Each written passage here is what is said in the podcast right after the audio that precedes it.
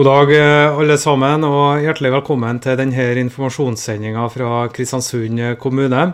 Ja, denne sendinga den hører du på radio, eh, kanskje? KSU247 er radiokanalen, eller så kikker du på Tidens Grav sine nettsider tk.no. Ja, det er den internasjonale sykepleierdagen eh, i dag. Gratulerer med dagen til ei yrkesgruppe som virkelig har fått mye velfortjent heder i de siste månedene. Og her sitter vi med mer julestemning enn det vi ja, enn det vi hadde på julaften. Jeg tror det er mer snø ute her nå enn det har vært med, ja, i hele vinter. Ja, ut så er det sommerdekkvalsen, og alle krysser fingrene for at det ikke skal gå skikkelig gærent da, med feil sko på bilen. De fleste eh, gjør vel kanskje lurest til å parkere bilen nå hvis de kjører på snødekte veier, i hvert fall.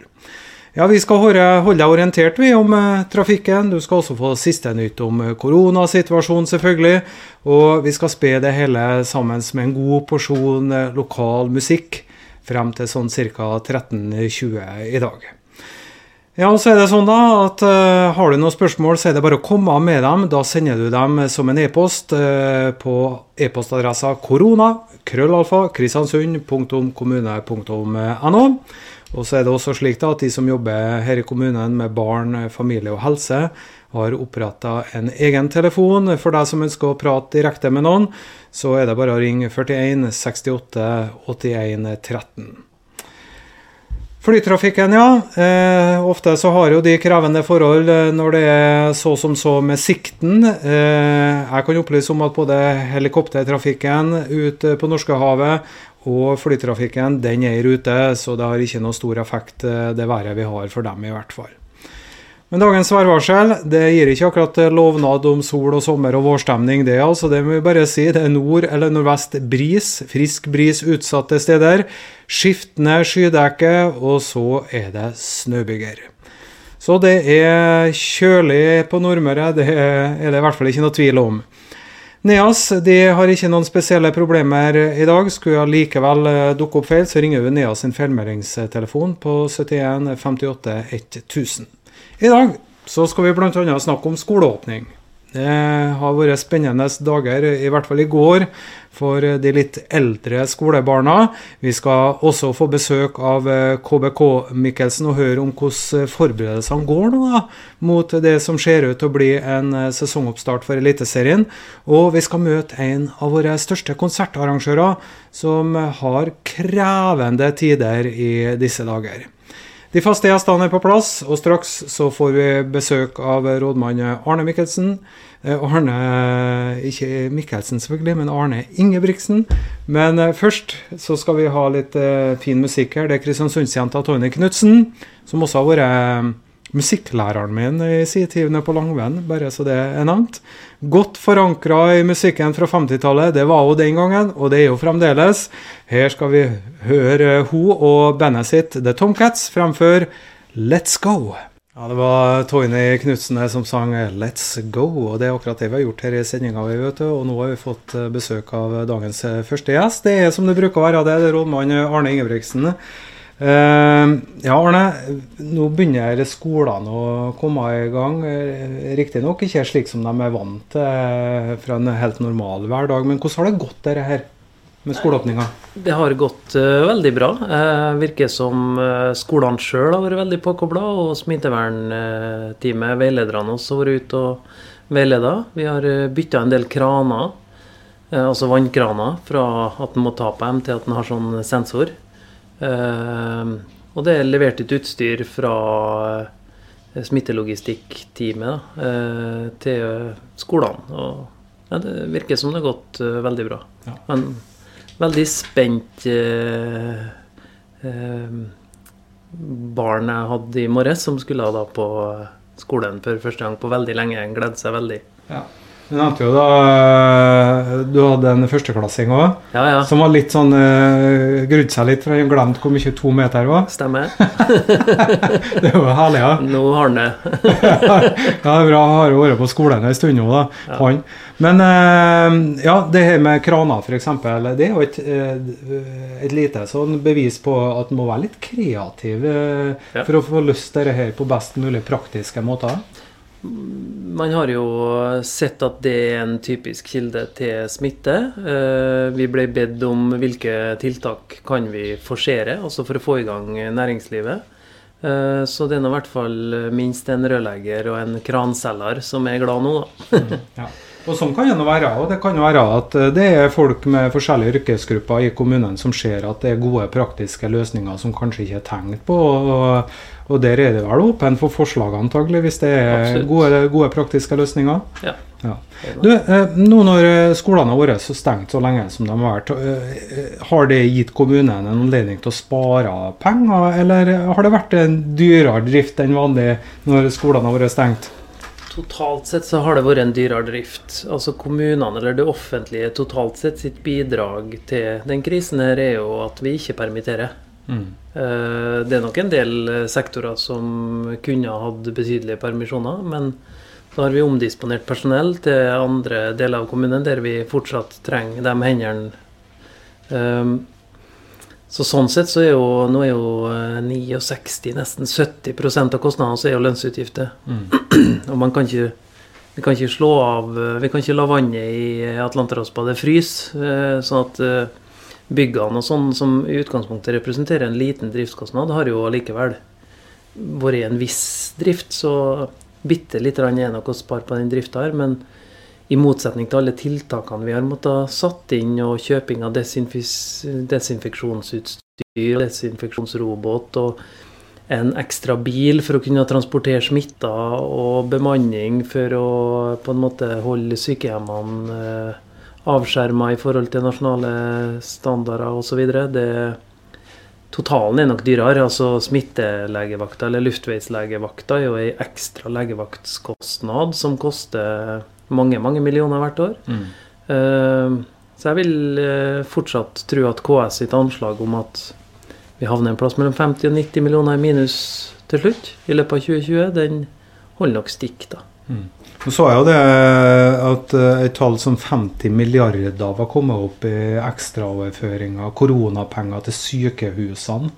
Eh, en, Var det så mye? ja, jeg er litt usikker på det, så jeg tar det med et forbehold, Ja. for det var i hvert fall ganske mye penger. så jeg. Ja. Eh, men fremdeles er det ikke snakk om noen ekstraordinære overføringer til kommunene? eller? Eh, nå kom jo revidert i dag. Nå er jo ikke det det dokumentet med to strek under svaret. Nå skal jo gjennom politisk behandling. Men eh, det som står i revidert, er jo uh, bl.a. 2,1 milliard i øremerka midler Mm. eh, til kommunene. Eh, men det er jo typiske satsinger som eh, Der kommer jo pengene med en krav om en motytelse, altså en tjeneste. Det kompenserer jo ikke for noe. Ja, riktig. Det er for at man skal iverksette eh, ekstra tiltak til eh, ja, eh, barn eh, som er i utfordrende situasjoner. Eh, Det staten egentlig peker på, eh, er jo at eh, lønns- og prisveksten blir lavere i år. Derfor så sparer kommunene penger. Og pensjonen kommer til å spare litt penger på. Med andre ord vi har tatt kostnadene, og de snakker ikke om refusjon nå. Nå snakker de om at ting som hender i samfunnet, skal gjøre at det går greit i kommunene likevel. Og det er jo for dårlig. Det kommer ingen friske penger. Men eh, jeg må si en ting at eh, hvis man skal basere seg nå på at det blir et dårlig lønnsoppgjør for de aller fleste, hvis det er statens sitt svar, så er jo jeg som skal sitte og forhandle med sykepleierne etterpå. Skal jeg sitte der da i høst og si at takk for innsatsen, men det ble ikke noe i år? Nei. Eh, De kan ikke sette oss i en sånn situasjon. Og Det er en viss fare for at de gjør det. da. Jeg så eh, 5,5 milliarder var det snakk om, ikke 55. Det er en betydelig forskjell. Og så så jeg nå mens jeg leita etter det tallet, at, eh, eh, at kommunenes koronatap, og da er jo alle kommunene, beregnes til 14 milliarder eh, i år, skriver Tidens Grav her da i sin eh, oversikt. Så Ja. Ja, det, det er mye penger. Ja, de bommer i hvert fall med 10 milliarder her, da. Ja, riktig. Nå er jo Nå tar regjeringa sitt anslag, da. Så Nemlig. det er vel ganske optimistisk i så måte. KS lå på en 2-23. Ja, riktig. Ja, og her eh, må jo regjeringa komme på banen for å bøte på litt for å gjøre den situasjonen levelig for kommunene. Hvis det ikke blir veldig travelt for fylkesmannen, som skal ha en 300 kommuner på Robek-lista eh, neste år. Ja, Den nye standarden blir Robek for alle, ja. Ikke sant? Ja. Nei, men altså, Gjør man ikke det, så vil det gå utover investeringsprogrammene. og Så havner vi på Robek. eh, Så må man jo skrinlegge alt av investeringsaktivitet. altså eh, det blir jo ikke noe bidrag på campus, for så vidt. eh, Men opera og kulturhus altså vi, vi vil jo da ha full stopp i alle investeringsprosjekter inntil man er av Robek igjen. Mm. Så enten så må man jo, hvis man ikke har tenkt å gjøre noe, og tror at eh, kan du si, de samfunnsmessige bevegelsene skal kompensere for det, eh, så må man eh, iverksette i hvert fall en sånn unntaksår for Robek. Mm. Vi kan ikke gå inn i en full investeringsstopp nå i mange hundre kommuner samtidig som eh, næringslivet oss sliter og skatteinngangen er lavere. og Mm. det, ja, Noen håper de kommer på banen. Nå eh, har jo eh, skolene åpna så smått, da. Eh, og man går inn i kanskje ei sånn eh, tid hvor man bare går og venter, og ikke de store tingene skjer. Hva er liksom det neste store, eh, slik du ser for deg i denne kampen mot koronasmitten? Jeg ser i Sør-Korea så krangler man litt nå om de er i bølge to eller ikke. Eh, og Det tror jeg vi kommer til å se, og for så vidt i Wuhan òg. Men det, man kommer jo til å se det i land etter land. At det er diskusjoner om er dette bølge to, eller er på en måte etterdønningene av bølge én. Eh, når vi får et klart svar på om uh, gjenåpninga av samfunnene oss medfører en bølge to, uh, så er det nok viktig å være på ballen og godt informert i forhold til hvor kritisk blir bølge to. For eh, noen episoder i historien har jo vist, eh, jeg tror det var spesielt i ebola, at bølge to er verre, betydelig verre enn bølge én. Eh, At man kommer inn tidlig og får holdt ting ned, og så slipper man litt opp, og så sprer det seg smitte ganske bredt uten at man helt har Altså man har litt garden ned, ikke sant, så kommer det mye på en gang. Eh, Det er jo bare hypoteser, selvfølgelig, men jeg tror det er viktig å følge med hvordan går det i de landene som ligger foran oss i løypa nå, sånn at vi er klar når det kommer til oss. Og ta jo gjerne land som eh, har et ekstra fokus på smittevern med febermålinger. Folk går rundt med munnbind på alle offentlige steder. Og, Ja. og håndvask og sprit står i fokus i kanskje en enda større grad enn det gjør her. Ja, i hvert fall av det vi Den delen av befolkninga som er i nærheten av vår levestandard, har nok eh, bedre smittevernrutiner enn det vi har. Mm. Men så er veldig mange mennesker i de samme landene som verken har tilgang til rent vann eller andre ting som vi tar som en selvfølge. da. Ja, ikke sant? Mm. Og Pluss at befolkningstettheten er jo en helt annen der enn det den er hos oss. eh, Ja. Hvor vi tross alt har en mulighet til å isolere oss litt. Ja. Nei, det her eh, sitter vi jo ikke med fasiten ennå, men eh, takk for at du kom i studio, i hvert fall Arne Ingebrigtsen, som er rådmann i Kristiansund kommune. Askild Sandvik, kommuneoverlegen, har kommet inn i studio. og Askild, du har med deg litt nyheter du, fra sykehjemmene. De har jo vært hermetisk stengt, en del av dem. I hvert fall for pårørende og andre som skal besøke sine kjære som eh, har vært inne der. Hva er det du kan fortelle oss nå?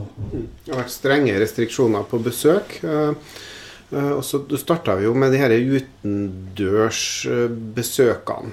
Men det er klart, når eh, det blir sånt vær som det er nå, så var det ikke egna for utendørsbesøk. Så det måtte jeg bare kansellere denne den uka her og sagt at det kan vi ikke ha. Vi kan ikke ha at de blir, blir syke. Eh, Så det vi heller har gjort nå, er at vi har eh, altså Det er jo kommet en oppmykning nå av veiledere fra Folkehelseinstituttet bl.a. Så nå åpner vi for besøk av pårørende. eh, på besøksrom. Altså Vi kommer ikke inn i eh, i selve syke, altså i selve avdelingene, men, men det vil på en måte være, være besøksrom i nærheten av, av utgang, der man kan, kan gå eh, rett inn, og, og der det blir tilrettelagt et, besøk innendørs. Og det er jo fornuftig når det er snøvær i, Ja.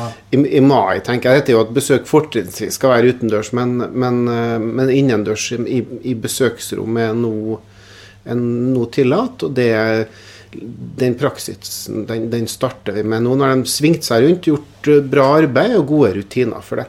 Det som fortsatt er viktig, ta kontakt med avdelinga først. eh, gjør avtale.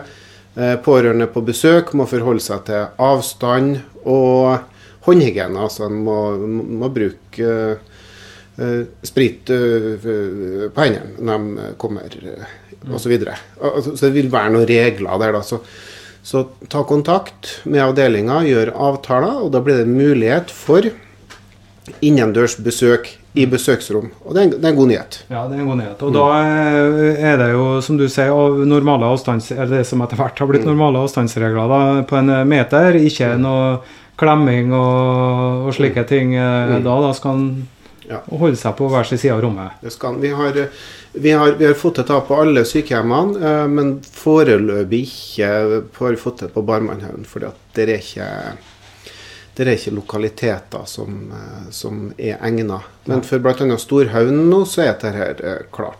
eh, Så, Det er trangt å ta i- ja, ja, det er ikke noen ja. store rom og Ja, ikke en ja. store foajé Mm. eller noe som helst. ja, på Storhaugen så vil man bruke personalkantina. Mm. Um, for også på en måte å, å bli delt opp i avlukka der. Og, altså, man vil på en måte få, få anvist det. Sånn det, det er et betydelig fremskritt, spør du meg. Viktig for de eldre å kunne motta besøk noe trygt. Men selvfølgelig, for å komme på besøk, må vi være helt frisk. Ja. Men kan man ta med seg gaver og sånne ting til Det er noen egne rutiner på, eh, på gaver, så, så ta kontakt med, med avdelingene rundt det. Jeg tror eh, de overleveres til, til personalet, tror jeg. Det er noe, det noen rutiner på uten at jeg har gått i, i, i detalj på det. Men ja, det er mulighet å, å, å ta med gaver, men hør med den enkelte avdelinga hvordan de gjør det. Ja.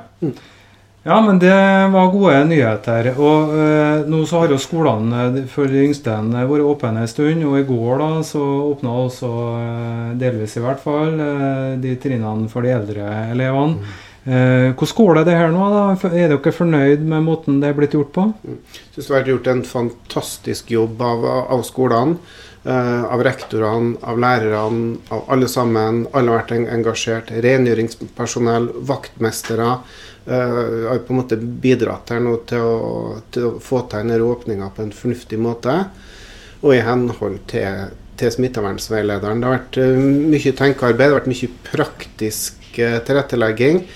Eh, og, og noen har fått litt reduserte dager. eh, noen må litt mindre på skolen. Det blir litt kombinasjon med, med digital undervisning. Men eh, i hovedsak så har dette gått veldig, veldig bra så langt. Så er klart at de elevene som begynner nå, så er det også å sette seg inn i den nye koronaverdenen med smittevernregler, med kohorter, med avdelte uteområder og hyppig håndvask. Det, det kan jo være en utfordring, men, men klart ungene lærer eh, fort. Og, og det er viktig å komme, eh, å, komme godt i gang, og, og det har vi gjort. Altså, vi vi gir ros til skolene lokalt her, som er veldig veldig flinke, og som har, som har gjort et veldig veldig godt arbeid. Og, og så langt så ser det bra ut. Ja, ungene er fleksible.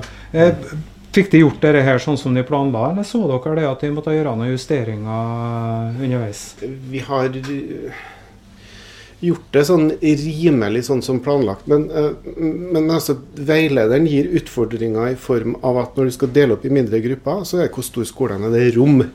Så areal er utfordring, men så blir også personell en utfordring, utfordring når du må dele en, en, en klasse i to. sånn at eh, det er det blir ganske mye tenkearbeid på de lokale skolene hvordan de på en måte skal løse de utfordringene der. Og så har du skoleskyss f.eks., som også kan være en utfordring. ikke sant? Sånn at, så at det er mange sånn, sånn at det ble eh, det ble totalt sett så, så, så syns jeg vi har fått en god løsning for uh, elevene lokalt her i byen, og det, det er jeg veldig glad for.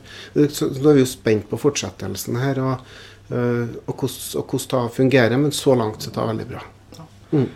Ja, nå er altså skolene i ferd med å starte med en slags eh, hverdag. Eh, ikke på normalt vis eh, måten det gjøres på nå, men de er tilbake på skolen igjen til stor lettelse, naturlig nok. Kommunalsjef for skole og oppvekst Kristine Reitan er med oss. Hvordan har det gått, dere her? Um, det har gått veldig bra. Uh, I dag er det tirsdag, og da er, da er alle alle, alle, har alle starta. Mm. Fra 5. til 7. og fra 8. til 10.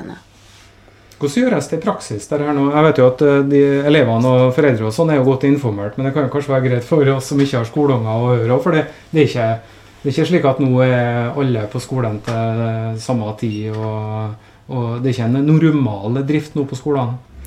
Nei, det er det ikke. Eh, fordi at eh, den eh, smittevernveilederen som, som er kommet, de, de stiller litt krav til både areal og til bemanning, og så stiller det stå krav til skoleskyss.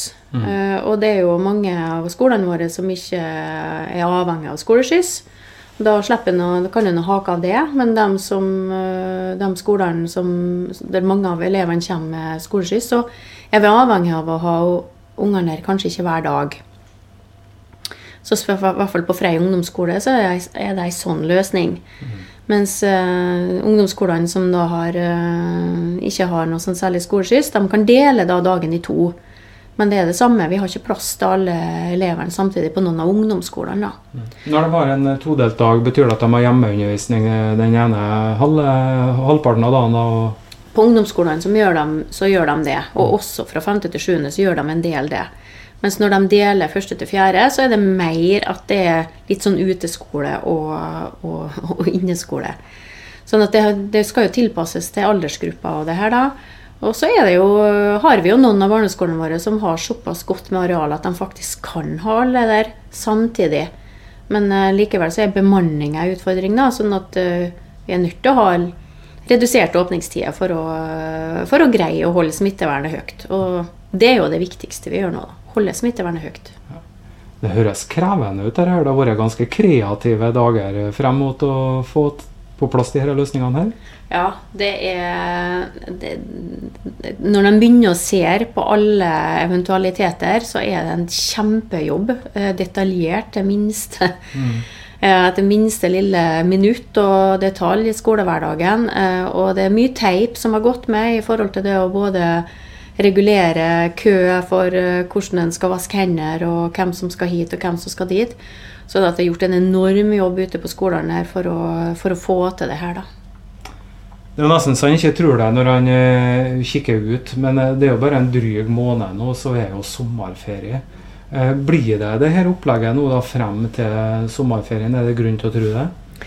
Min, det kan være noen mindre justeringer. Nå prøver de jo ut eh, nå frem til, til vi har fri med himmel, himmelfartsdag mm. og den helga. Eh, og, så, vil de sikkert gjøre noen mindre evalueringer og gjøre noen justeringer, men i hovedsak så er det her nok eh, det som vi ser for oss frem til sommeren. ja. Eh, Sjøl om man eh, har hatt hjemmeundervisning og kanskje ikke vært på skolen i, i mange uker, eh, vil sommerferien avvikles normalt, eller skal man ta igjen og tappe tid i sommerferien?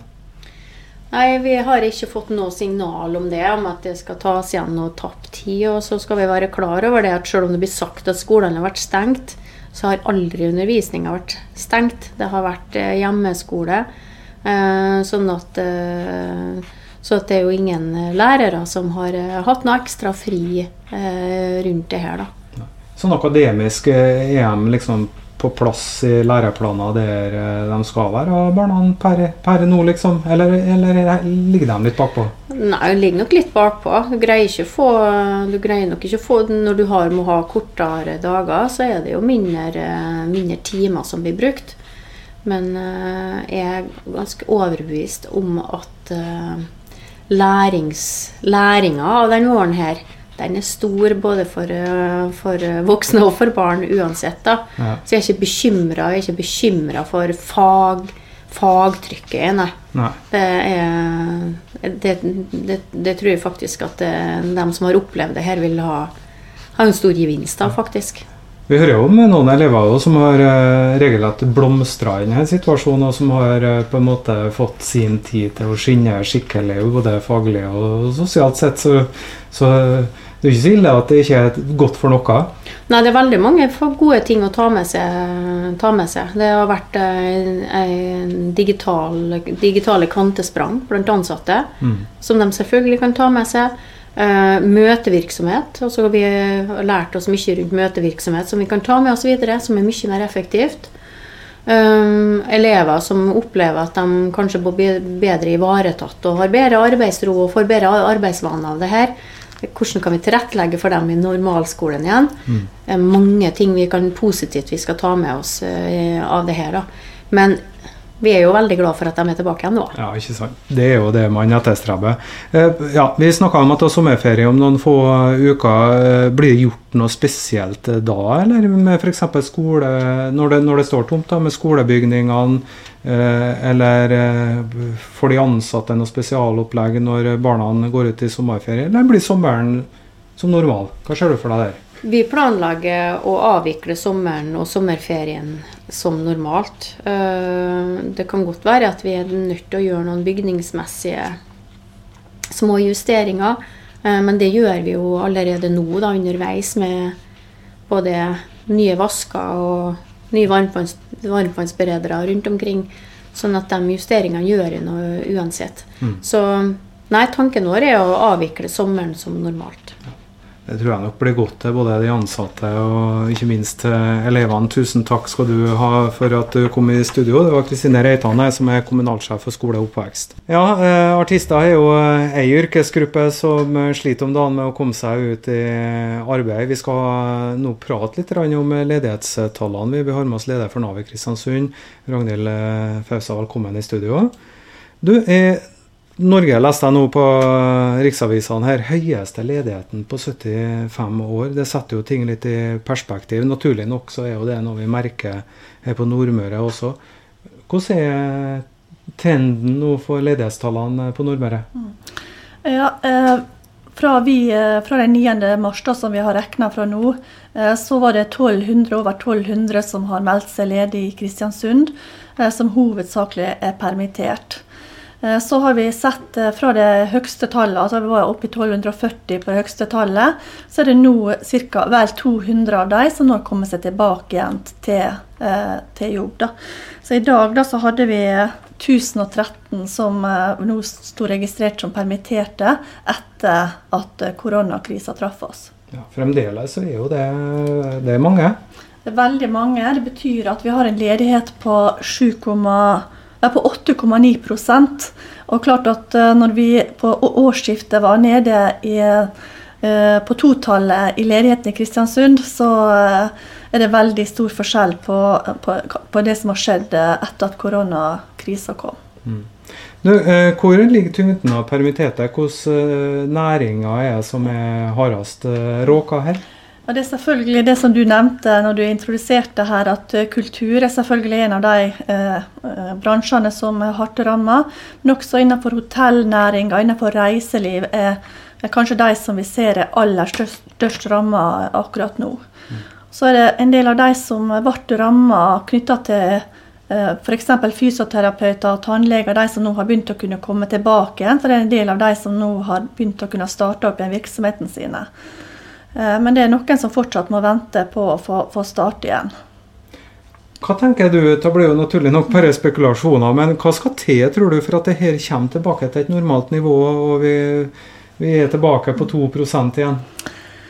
Ja, jeg tror det vil ta tid. Eh, dette her er ikke, det er veldig fort gjort eh, at det blir mange som blir ledige, men jeg tror den tida det vil ta for at alle kommer tilbake igjen, det tror jeg vi må være forberedt på at kan ta noe tid. Mm. Så for enkelte av de som er blitt ledige nå, så tror jeg at det, en god del av dem vil komme seg raskt tilbake igjen når ting blir tatt opp igjen. Men for enkelte så vil vi være, må vi, vi er forberedt på at til høsten at vi vil, ha, eh, vil, være, vil være en god del høyere ledighetstall. Da at flere må være forberedt på at det vil ta tid til å komme tilbake igjen til arbeid.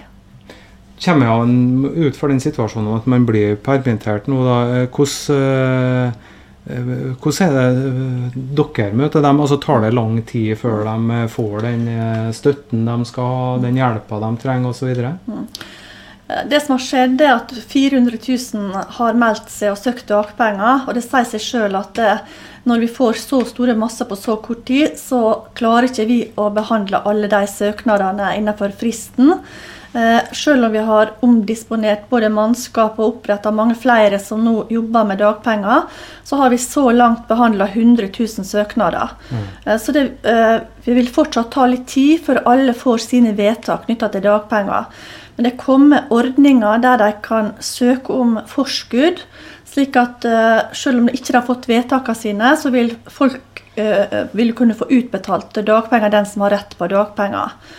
Når det gjelder uh, sosialhjelp, så har vi også en digital løsning for det.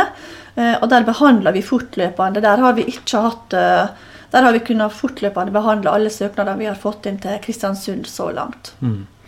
Du, veldig mye folk er jo permittert, som vi har snakka om her. Er det mange av disse som nå kanskje må ut på det ordinære jobbmarkedet igjen? At de kanskje ikke kan se frem til å få tilbake gammeljobben sin? Det vil jeg nok tro at en del av de som nå har blitt permittert, uh, blir nødt til å tenke nytt, og kanskje tenke å se seg om etter arbeid andre andre bransjer. Eh, det er nok helt sikkert en av konsekvensene av dette her, at ikke absolutt alle kan komme tilbake til den arbeidsgiveren som de var per, er permittert fra. Mm. Er det slik at folk må være forberedt på å kanskje være eh, litt fleksible, og at de eh, kanskje må ut i en helt annen yrkesretning enn de så for seg? Det vil det alltid være. Altså det, det, som vi i fall jobber med til vanlig, er å se på mulighetene som finnes. Og, og sånn som Eh, det som har skjedd nå, er at eh, mange forutsetninger har blitt endra. Og da er det også nødvendig at når han er kommet i en situasjon der han ikke har arbeid, at han da må tenke hva muligheter som finnes innenfor andre. Det er litt sånn som vi tenker på uh, mye på i dag. Hva er det vi ser muligheter? Hva skjer? Hva gjør, hva gjør regjeringa nå i forhold til uh, tiltakspakker som kan gjøre at uh, her vil det åpne seg muligheter? Hvordan kan vi jobbe for å kanskje sørge for at andre kan bli attraktive til andre yrker. Det er sånne ting som vi må jobbe med. Men vår prioritering er fortsatt de som har nedsatt arbeidsevne, og de som har stått utafor lengst i arbeidsmarkedet. De er de vi har vår hovedprioritering fortsatt på, at det er de vi skal hjelpe aller mest til å komme tilbake igjen i jobb. For vi har tro på at veldig mange av de som nå blir permittert, og som har vært i arbeid, veldig mange av de vil kunne klare seg sjøl og kunne klare å finne seg arbeid. For veldig mange av de som er permitterte, de har både kompetanse og har god arbeidserfaring som de vil kunne benytte seg av. Eh, så vi har fortsatt vårt hovedfokus på de som trenger oss aller mest. Ja. Ja, så hvis folk uh, har et godt nettverk og sånn, så er kanskje tida inn uh, til å bruke det godt og komme seg ut i arbeid hvis en får til det, da. Takk skal du ha, Ragnhild Fausa, som altså er leder for Nav i Kristiansund. Tenke seg til at nå er det ikke lenge igjen til fotballen starter. Vi er mange som har venta ganske så lenge på dette. Kristian Mikkelsen, kjent og kjær trener i KBK. Har du hele laget ditt på plass i, i byen nå i oppkjøringa? Ja, det, det, har vi. Og det har vi hatt uh, egentlig store deler av, uh, av hele perioden. Altså det, det, har vært noen, noen, av guttene som har fått lov til å reise sånn uh, smådistanser, altså inn til Sunndalen og Trondheim har de faktisk vært. Men, men ellers så har vi, har vi vært veldig, veldig nøye på å på, eh, på, de reglene. Det var jo en periode der det var eh, restriksjoner med, med inn og ut av eh, Kristiansund by også, eller kommunen. Så, så vi har, gjengen har stort sett vært samla og gått mot hele, hele veien. Du, Med all slags mulige restriksjoner og sånne ting som uh, har vært i forhold til antall på banen, og sånn, hvor godt trent er de nå uh, med et slikt bakteppe? Nei, det, det, man eh, er jo litt spent. Samtidig så, så har vi trena godt innenfor de reglene, altså i, i fire-femmergrupper hele veien. Så Bortsett fra et par, par ferie, ferieuker, så, så, så, guttene skal ha nok, nok av trening i, i, kroppen. Men det er klart, det å spille fotball kontra det å, å springe rett frem, det, det er forskjell. Så, så, vi trenger de ukene som, som for, forbundet sammen med helsemyndighetene legger opp til. Eh, for å være klar til eventuelt da seriestart i, i medium, medium juni. Så, men eh, dæven døtte, det var en våryr og fantastisk stemning på, på, trening i går. og Det var mange som hadde som, som gleda seg til den type økt, og det var, det var etterlengta. Men igjen, og som jeg har sagt i diverse medium, det, vi har stor respekt for det vi er samla gjennom nå. og eh, Vi har ikke stressa situasjonen i hele tatt, og kommer heller ikke til å stresse situasjonen fremover. Men vi forholder oss til det som eh, det, det, de mulighetene eh, øverste hold gir oss, og så skal vi løse det på vår, vår beste måte. Jeg ser nesten for meg når du slipper dem ut på gressmata, som når du slipper ut kyrne for første gang om våren. De går rundt her og spretter og, og er bare lykkelige. Jeg så en video om eh, noen, noen kyr som eh, slappes ut. faktisk. Det var vel noe som gikk rundt på, på Facebook for et par uker siden. og det, Ja, det, det stemmer veldig. veldig. Det var, det var, det var veldig til, til, glede og latter og energi og, og en lystbetont eh, stemning. og så og så er Det sånn at det er jo typisk da når det slippes opp at, at banen plutselig blir, blir farga hvit igjen, og, og, at det er julestemninga som kommer. så Uh, jeg har, jeg har ei kone fra, fra Øst, Østfold det, som er vant til en helt annen klima og temperatur på en årstid her. Så uh, nå, nå, i dag har jeg utfordringer både på hjemme og hjemmebane og Kristiansund stadion. ja, ikke sant. Det er krevende for de fleste. Her. Du, uh, hvordan blir kjøret nå fremover? da? Er lag med en nøktern størrelse på spillerstanden nå ganske utsatt, i og med at det blir såpass tette, tett eh, kampprogram? Ja, det vet, Du vet jo aldri, men det er klart at øh, hvis man øh, hvis skader øh, av litt lengre varighet oppstår, så er det klart det, det, da er det godt å ha litt ekstra, ekstra muligheter i, i, troppen. Men jeg føler at vi, vi har en god tropp. Vi har masser av gode fotballspillere. og det er Ofte så, så, er det eh, selvfølgelig de som eh, starter en kamp og de som eventuelt kommer inn og, og påvirker en, en, kamp som det blir retta fokus mot. Men eh, vi har masser av, av gutter som, som, ikke får den spilletiden de gjerne skulle hatt, men som er minst like viktig for oss i, i veien mot, mot, de målene vi setter oss. Og, og det, det, er gutter her som er best og viktigst mandag, tirsdag, onsdag, torsdag, fredag, lørdag, men som ikke får lov til å skinne på, på søndag når, når, når, eksamen, når desserten øh, oppleves. Så, så, så jeg er ikke, så, ikke bekymra. Vi, vi, skal komme oss godt gjennom det. vi, vi, er en robust gjeng som har lyst til å spille fotball, mange av oss. Alle av oss. Du, nå er det jo mange lag, da, mange eliteserielag eh, rundt om i landet som sikkert føler at eh, endelig får vi sparke fotball igjen. Nå har vi noe bevis, vi skal underholde folket, vi skal stå på ekstra for byen vår, eh, for stedet vårt. Tror du at årets sesong 2020 har det i seg at den faktisk kan bli mer underholdende enn noen gang? Jeg tror den blir spesiell eh, på, på, sin måte. Jeg tror det blir, det blir, mye kreativitet rundt omkring for å få med seg de, de store øyeblikkene. Så, så, eh, men jeg, vi må, vi må samla komme oss gjennom det. og jeg tror ikke Det er, det viktigste er nå at, eh, at samfunnet kommer på, eh, på rett kjøl igjen. At vi får tilbake normaldagen oss. Også alle og enhver, ikke bare i Norge, men også, også rundt omkring i verden. Og så får uh, fotball og, og, flere andre aktiviteter være på mange måter litt sånn supplement til, til, til, hverdagen og den tøffe jobben alle er en, en del av, den dugnaden. Så, så, det blir en spesiell sesong. Uh, når vi først begynner å se lyset i, i tunnelen, når, når glimtene av av store øyeblikk og glede begynner å komme i flere og flere kretser, så, så tror jeg at smilene kommer, kommer, frem hos de fleste. og da, da, eh, da blir det knallbra i, i 2020 òg. Ja. Du, um, er det avtalt noen treningskamper nå da, før de setter i gang på, for alvor?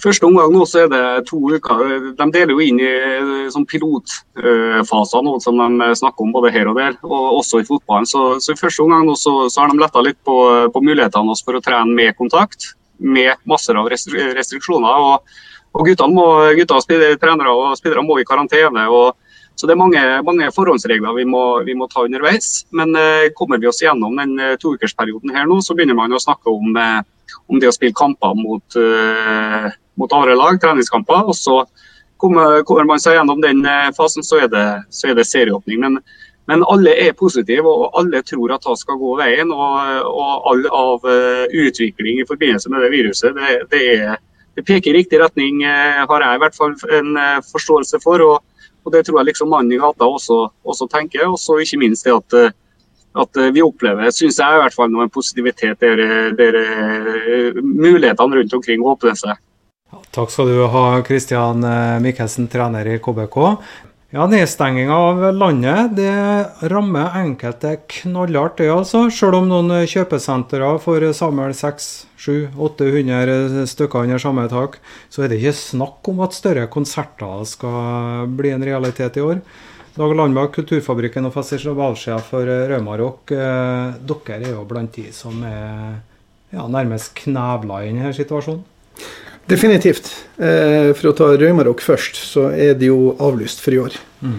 Det er ikke forsvarlig verken økonomisk eller noe å eh, arrangere noe under 500 stykk. Det går bare ikke for, for vår del. da. Så vi har måttet avlyse hele festivalen, og det er jo en syv millioner i omsetning tapt. Og det er svært mange leverandører som ikke får levert det de skal. Alt fra hotell, lyd og lys, og det er sceneleverandører, det er stor skjerm og kameraproduksjon og ja, ganske mange som, eh, som rammes av det her. Mm. Eh, for Kulturfabrikkens del så eh, vil vi være stengt omtrent i tre måneder hvis det åpnes opp for 200 personer etter 15.6, som det er snakk om da.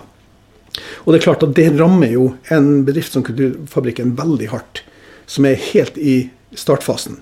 Og eh, tre måneder med stenging og mange millioner i tapt omsetning, det, ja, det er hardt. Det, det, ser ut som vi skal klare oss på et eller annet vis med kompensasjonsordninger. Vi har gjort eh, tiltak på eh, kostnader og eh, permittert alle mann. Og eh, vi skal komme oss igjennom her, men, men det, det, er veldig tøft, ja. Det er ingen tvil om det. Ja, en sårbar fase når man nylig har starta opp, og så kommer dette her. Det var, var, vel kanskje det siste man skulle tro kom til å skje? Det var det vi ikke trengte. Eh, vi åpna liksom 23. Juni, 23. januar i år. Og 12. Eh, mars så må vi stenge dørene. Og det varer trolig til 15. Juni, etter 15. juni, hvis vi får lov å åpne igjen for 200 mm. mennesker da. Nå ser vi jo det at uh, Samfunnet åpnes jo gradvis opp, og, og, en del bransjer vender jo tilbake til det man kan kalle uh, en slags normalen. da. Men kulturlivet ser ut for å bli ramma i hvert fall ut 2020.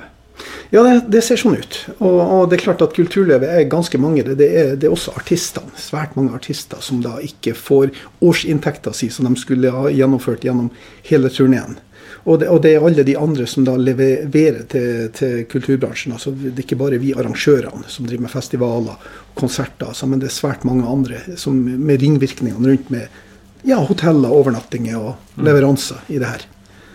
Jeg ser jo det um, i sosiale medier og sånn, så er det mye kulturfolk som er ganske kritisk til måten det blir gjort på. og det dreier seg kanskje ikke om hvordan egen bransje blir knebla, men mer hvordan åpent det er for andre bransjer som også samler masse folk. Ja, det er jo ikke likt. Det er jo ikke likt. Vi ser jo at restaurantbransjen får jo lov å åpne tidligere enn oss, da, så lenge det blir spisning og enda flere berøringspunkter. så, så, er jo ikke, vi, vi skjønner ikke helt forskjellen på det å skulle sitte og lytte til en konsert og ta seg noe godt å drikke, og enn å sitte og spise på en restaurant med samme antallet, så lenge du holder eh, avstandsforholdet. Eh, så, så, det der skjønner ikke vi mye ut av. Så det er ikke helt likt. Det, det burde det ha vært. Og eh, kulturbransjen er spesielt ramma, ja. Du har helt rett i det. Ja, er, det, er, det, er ikke kultur viktig nok, tror du? Jeg aner ikke hva som er bakgrunnen for det her, men jeg tror, det, jeg tror, jeg tror rett og slett det, det bare ikke er gjennomtenkt eh, ordentlig. Eh, og vi, vi, skjønner, vi har ikke noe godt svar på det. Vi har ikke fått noe svar på hvorfor vi skal være nødt til å holde stengt enn så lenge. Ja. Kanskje ikke er noe godt svar? Nei, det er kanskje ikke det. Jeg tror ikke på det. Jeg har Nei. ikke hørt det ennå. Uh, hvordan blir dette her, da, tror du? Nå blir jo kikk kanskje litt i glasskula, da, men er det sånn at etter det året her at det er mange som ikke klarer seg? At det blir, ligger mye konkurser, personlige konkurser og sånn i kjølvannet av eh, året 2020?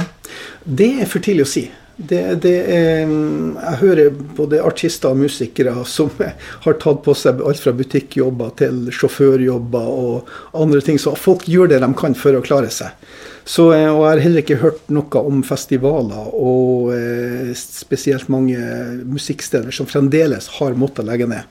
Det er klart at vi er nå i andre, snart tredje måned. Eh, men vi vet jo ikke hvordan det vil være når vi kommer til august-september og ut året. Hvis vi ikke da skal få en åpning på å kunne skape omsetning og få folk i arbeid igjen, så er jeg redd for at det er ganske mange som kommer til å bukke under. Og da snakker vi om det er lydbransjen, det er leverandørbransjen, det, er mange artister, musikere, som ikke får lov å eh, opprette levebrødet sitt. De har nesten yrkesforbud i dag. Mm. Når tror du at vi får se sceneopptredener med horder av publikum i samme lokale igjen? Ja, det er ikke godt å si det. Det, det. det, er ikke godt å si. Nå er det jo en åpning. Nå skal jo vi i Kulturfabrikken i helga nå ha en eh, inntil 50 stykk. da. Mm. Vi har livestreaming-konsert, men vi får lov å slippe inntil 50 stykk. Så det er egentlig første lille åpninga vi har på eh, eh, Vi ser det første lille lyspunktet i det her, da. Så vi prøver det nå. Og så håper vi det at det åpner seg for eh, 200 stykk innenfor gitte rammer etter 15.6, og at det gradvis går mot en åpning til inntil 500 stykk i et lokale. Vi skjønner det at jeg har forståelse for det at man ikke kan samle 3500-4000 mennesker svett på en sommer og svette på hverandre og klemme på hverandre og nyte musikk. Det forstår vi.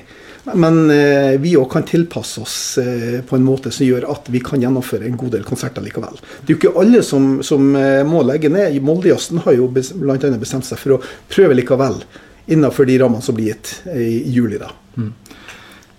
Når vi snakker konserter med 50 stykker, det er vanskelig å se for seg at det er butikk i så få Det er ingenting. Det, det, dessverre, Du kan ikke få noe særlig omsetning på 50 stykker. 200 stykker, eller? 200 stykker hjelper veldig. For det er mange venues som har 100-150 kapasitet. Og, eh, og, så er det neste 200, og så har du da sånn som Kulturfabrikken, som faktisk kan ta opp i 700 stykk på, på det meste ja. på, i storsalen. Så blir det åpning for 500 i løpet av året. Da begynner det å nærme seg det som kan være normaldrift da, på Kulturfabrikken? Ja, det nærmer seg. Da er vi, da er vi veldig nært å ha normaldrift. Så, så, vi ser veldig frem til den dagen hvor vi kan ha 500 stykk inn på Kulturfabrikken. Og i dag så kan vi vel gjennomføre en konsert med 200 og alle har én meters avstand. Ja. Og det å hjelpe litt. Du, eh, Dag Landbakk er jo en mann som eh, bokstavelig talt lever for uh, musikk. Hva slags musikkopplevelse i 2020 er du mest lei deg for at du ikke får med? Ja Si det, du. Jeg er mest lei meg egentlig for ja, jeg er mye lei meg for de småkonsertene på Kulturfabrikken som skulle ha vært. Eh, det er alt fra teater, det er alt fra eh, oppbygginga av et konsertsted i Kristiansund som vi ikke får oppleve på lenge nå enda. Mm. Og så er det jo alle de gode konsertene som vi hadde gleda oss til på, eh, i Åndalsnes, på Raumarocken, som burde ha vært gjennomført med Bokassa, Seigmen eh, lokale artister. og Det folkelivet der. Jeg, jeg savner det utrolig. Det, det, er veldig rart å skulle sitte i en situasjon her nå og si at vi, det får vi ikke lov å gjøre på mange mange måneder ennå. Du, Kjell Nergård har kommet inn i studio, ordføreren her i Kristiansund. Spennende dag eh, i dag, Kjell. For eh, i dag så skal de på Stortinget eh, diskutere nasjonal helse- og sykehusplan, der da bl.a. fremtida til fødeavdelinga skal bestemmes. Eh, kan du fortelle oss noe litt om hvordan det formelle er knytta til, til den avgjørelsen? Ja, så Alle vet jo det at det er bestemt at det skal bygges et fellessykehus for Nordre Romsdal, som skal ha en felles fødeavdeling for Nordmøre og Romsdal. Det er jo bestemt for mange herrens eh, år siden.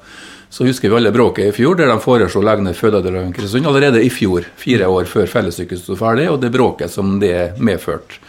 Uh, vi klarte jo å få utsatt det, men fortsatt så ligger det et vedtak i Helse Møre og Romsdal at de to fødeavdelingene skal slås sammen. De bare ikke bestemt seg fra hvilket tidspunkt. Uh, så har vi jobba politisk opp mot våre for og i dag er det fremma to forslag til Stortinget. Det ene er fra Arbeiderpartiet om at fødeavdelinga i Kristiansund og Molde skal bevares frem til fellessykehuset står ferdig om fire år. Og så har det kommet et forslag fra tre andre partier som sier også det at det skal være fødeavdeling i Kristiansund etter at fellessykehuset står ferdig. Så det skal blant annet, snakkes om i Stortinget i ettermiddag, sammen med masse andre saker rundt nasjonal helse- og sykehusplan.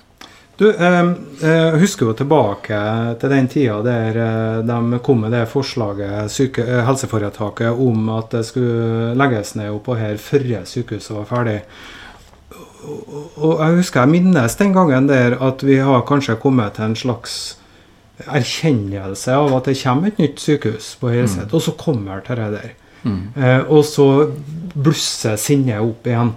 Det er, eh, det er ikke akkurat noe god eh, psykologisk arbeid som bedrives eh, når det gjøres på den måten der. Nei, denne Saken her har vært tung nok for oss fra før. altså At vi tapte lokaliseringskampen en gang tilbake i 2014. Da hadde vi en forventning om at alle, alle tilbudene ved vårt sykehus skal bevares frem til det fellessykehuset sto ferdig, selv om vi på en måte syns at det er tøft uansett. Og så begynner de å plukke på tjeneste tjeneste, og de begynner å røre på fødetilbudet. Da våkna befolkninga. Og det var et enormt engasjement her i april-mai i fjor rundt denne saken. her, og vi vant jo litt av det, at vi fikk jo utsatt den avgjørelsen til foretaket og fått nasjonal oppmerksomhet, både vi og gjennom Bunadsgeriljaen og andre rundt saken. Og nå ser det i hvert fall ut som det kommer et vedtak i kveld om å bevare føden i hvert fall i fire år til. Og så får nå vi bruke det handlingsrommet det gir de fire årene til å jobbe for et best mulig tilbud i Kristiansund. Så får vi følge debatten i kveld. Jeg er like spent som alle andre. Ja. Ja, Er det grunn til å være optimistisk, da? Eller er det at uh, fødeavdelinga bevares frem til et nytt sykehus står på plass, det beste vi kan håpe på?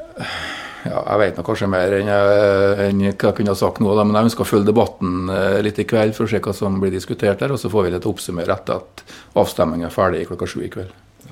Du, om det nå blir et nytt nederlag i dag, da, om det blir sånn at, uh, at det bestemmes at det ikke skal være et fødetilbud etter at nysykehuset står på plass, er toget godt, da, eller er det flere kamper vi kan kjempe? Altså, Det er et nederlag i forhold til det forslaget som kom ut fra de tre partiene, men det er jo en seier i forhold til det vi kjempa for i fjor. For det var da det var, det var, jo det vi ropte om i fjor. Vi ønska å beholde fødeavdelinga så lenge vi hadde et sykehus her.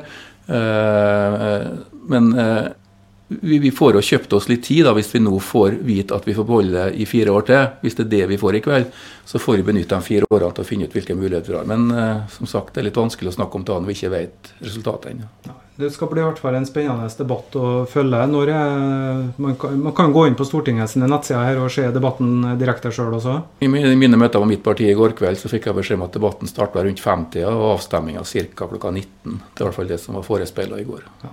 Da er det bare å gå inn på Stortinget sine nettsider. Tusen takk skal du ha for at du kom i studio, Kjell Nergård. Vi har kommet til veis ende, og vi skal høre Vita Lux eh, sånn som vi bruker å gjøre. Tusen takk for i dag.